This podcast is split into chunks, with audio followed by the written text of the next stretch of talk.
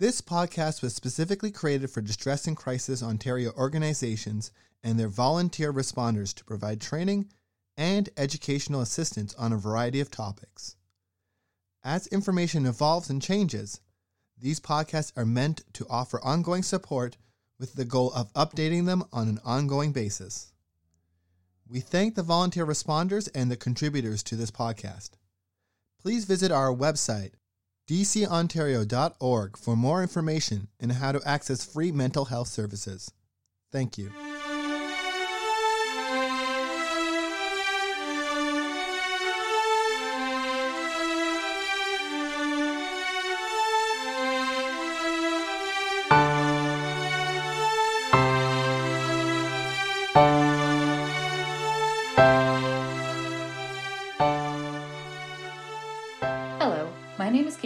And I'm the program manager at Distress and Crisis Ontario. Thank you for choosing to listen to our podcast. This week, I am once again joined by my daughter, whose name I will, as always, be keeping private. As of this month, she's now in grade eight, and today we'll be talking about asking for help.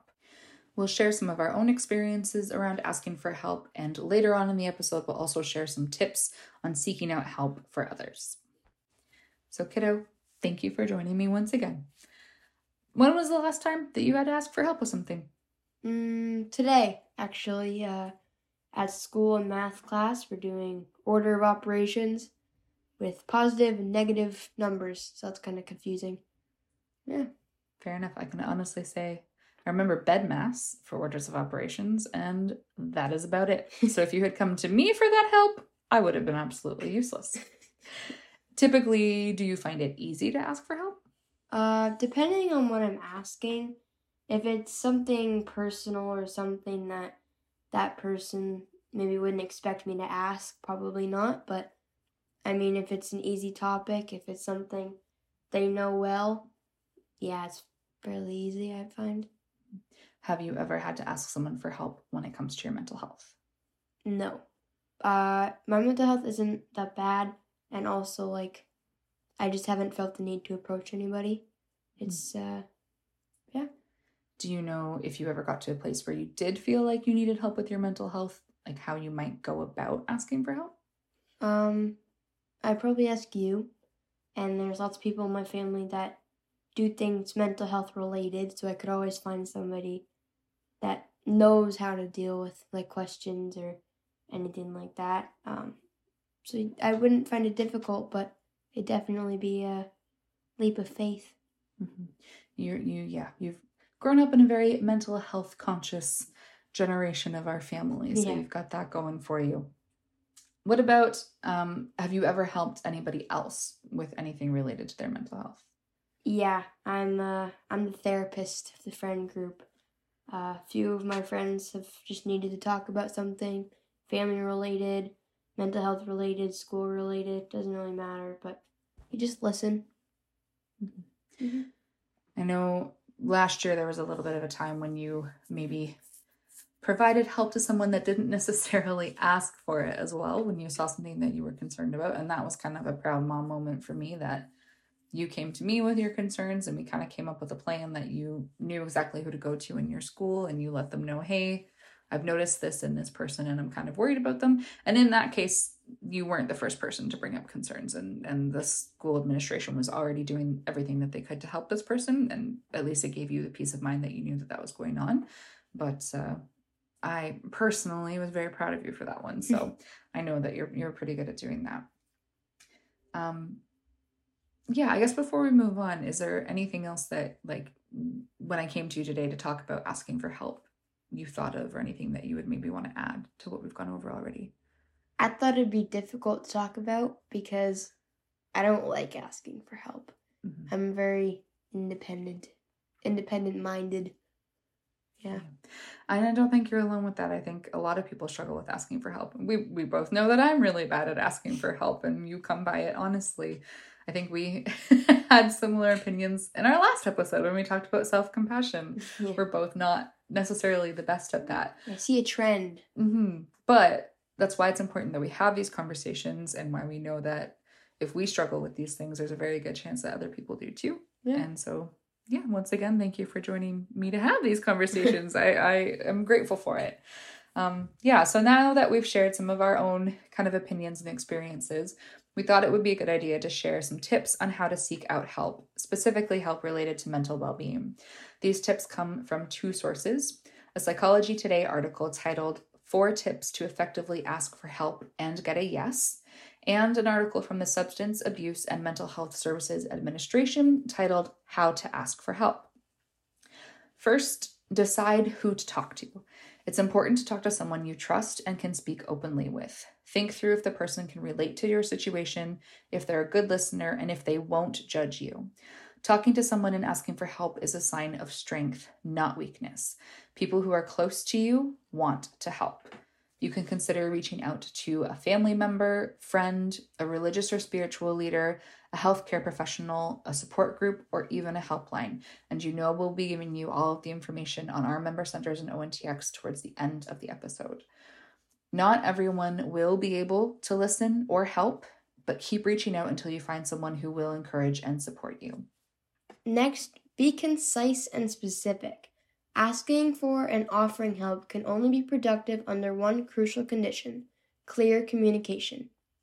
Try to communicate your request as clearly and concisely as possible. There is no need to over explain. Simply describe what the task is, why it matters, and how the person you're asking can contribute. Try to be as specific as possible so they know exactly what it is they'll need to do and can accurately judge how much time and energy the task will take. Do you need help finding a healthcare professional or a support group? Do you need love and support, or do you just need someone to listen? Tell the person you're speaking to upfront. Third, don't apologize. Don't apologize for asking for help. No one gets excited about a task that the asker feels the need to apologize for. We all need help sometimes, and it's nothing to be ashamed of. But apologizing makes it seem like you're doing something wrong by asking and casts the task at hand in a negative light. On that note, don't minimize your need with phrases like, I hate to ask, or it's just a small thing. This suggests that their assistance is trivial and may take the joy out of helping. Similarly, don't ask them to do you a favor. This can make people feel obligated to say yes. Fourth, choose the right time and place. If you plan to talk one on one, find the right time to talk in a comfortable private setting. If the person is in another location, ask them to find a space that is private too. For example, if they live with others, including children, ask for a time when they're not at home. Think about which option works best for you and the other person in person, over the phone, or a video call. Set up a specific day and time to talk so you know they'll be available. Know what can keep you calm and do it while asking for help. For example, you may want to go for a walk, be outside, or have a favorite item to hold. When you ask your friend or loved one to talk, you might say, I'd love to talk to you about something that's important and personal to me. When's a good time? Fifth, consider how to talk about it. If you feel tense, take several deep, calming breaths.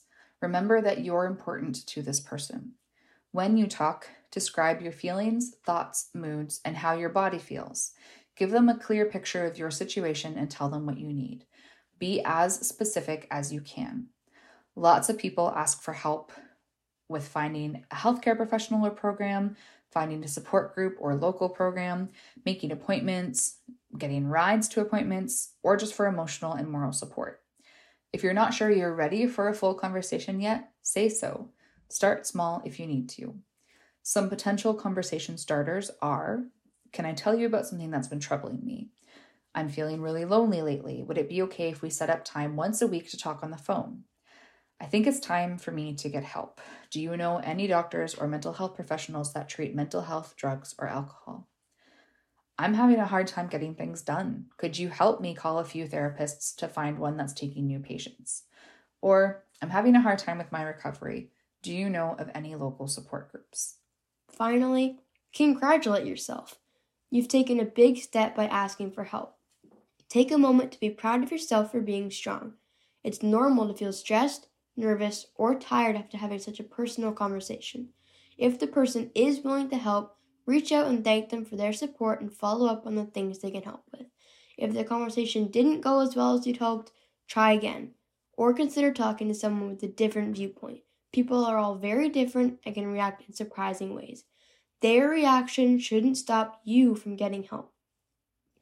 Thank you for choosing to listen to today's podcast. We hope it's given you some useful tips on asking for help.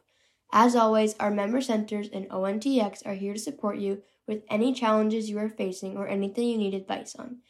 You can find your nearest center, many of whom operate 24 7, by visiting our website at www.dcontario.org forward slash locations.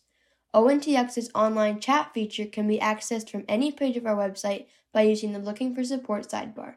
ONTX is available from 2 p.m. to 2 a.m. Eastern Standard Time daily and can also be accessed by texting the word support to 258258. If you have any feedback on today's episode or would like to request future content, please use the link in the show notes to fill out our feedback form. We would love to hear from you. Thank you again for listening. I hope you have a great week and join us again next time.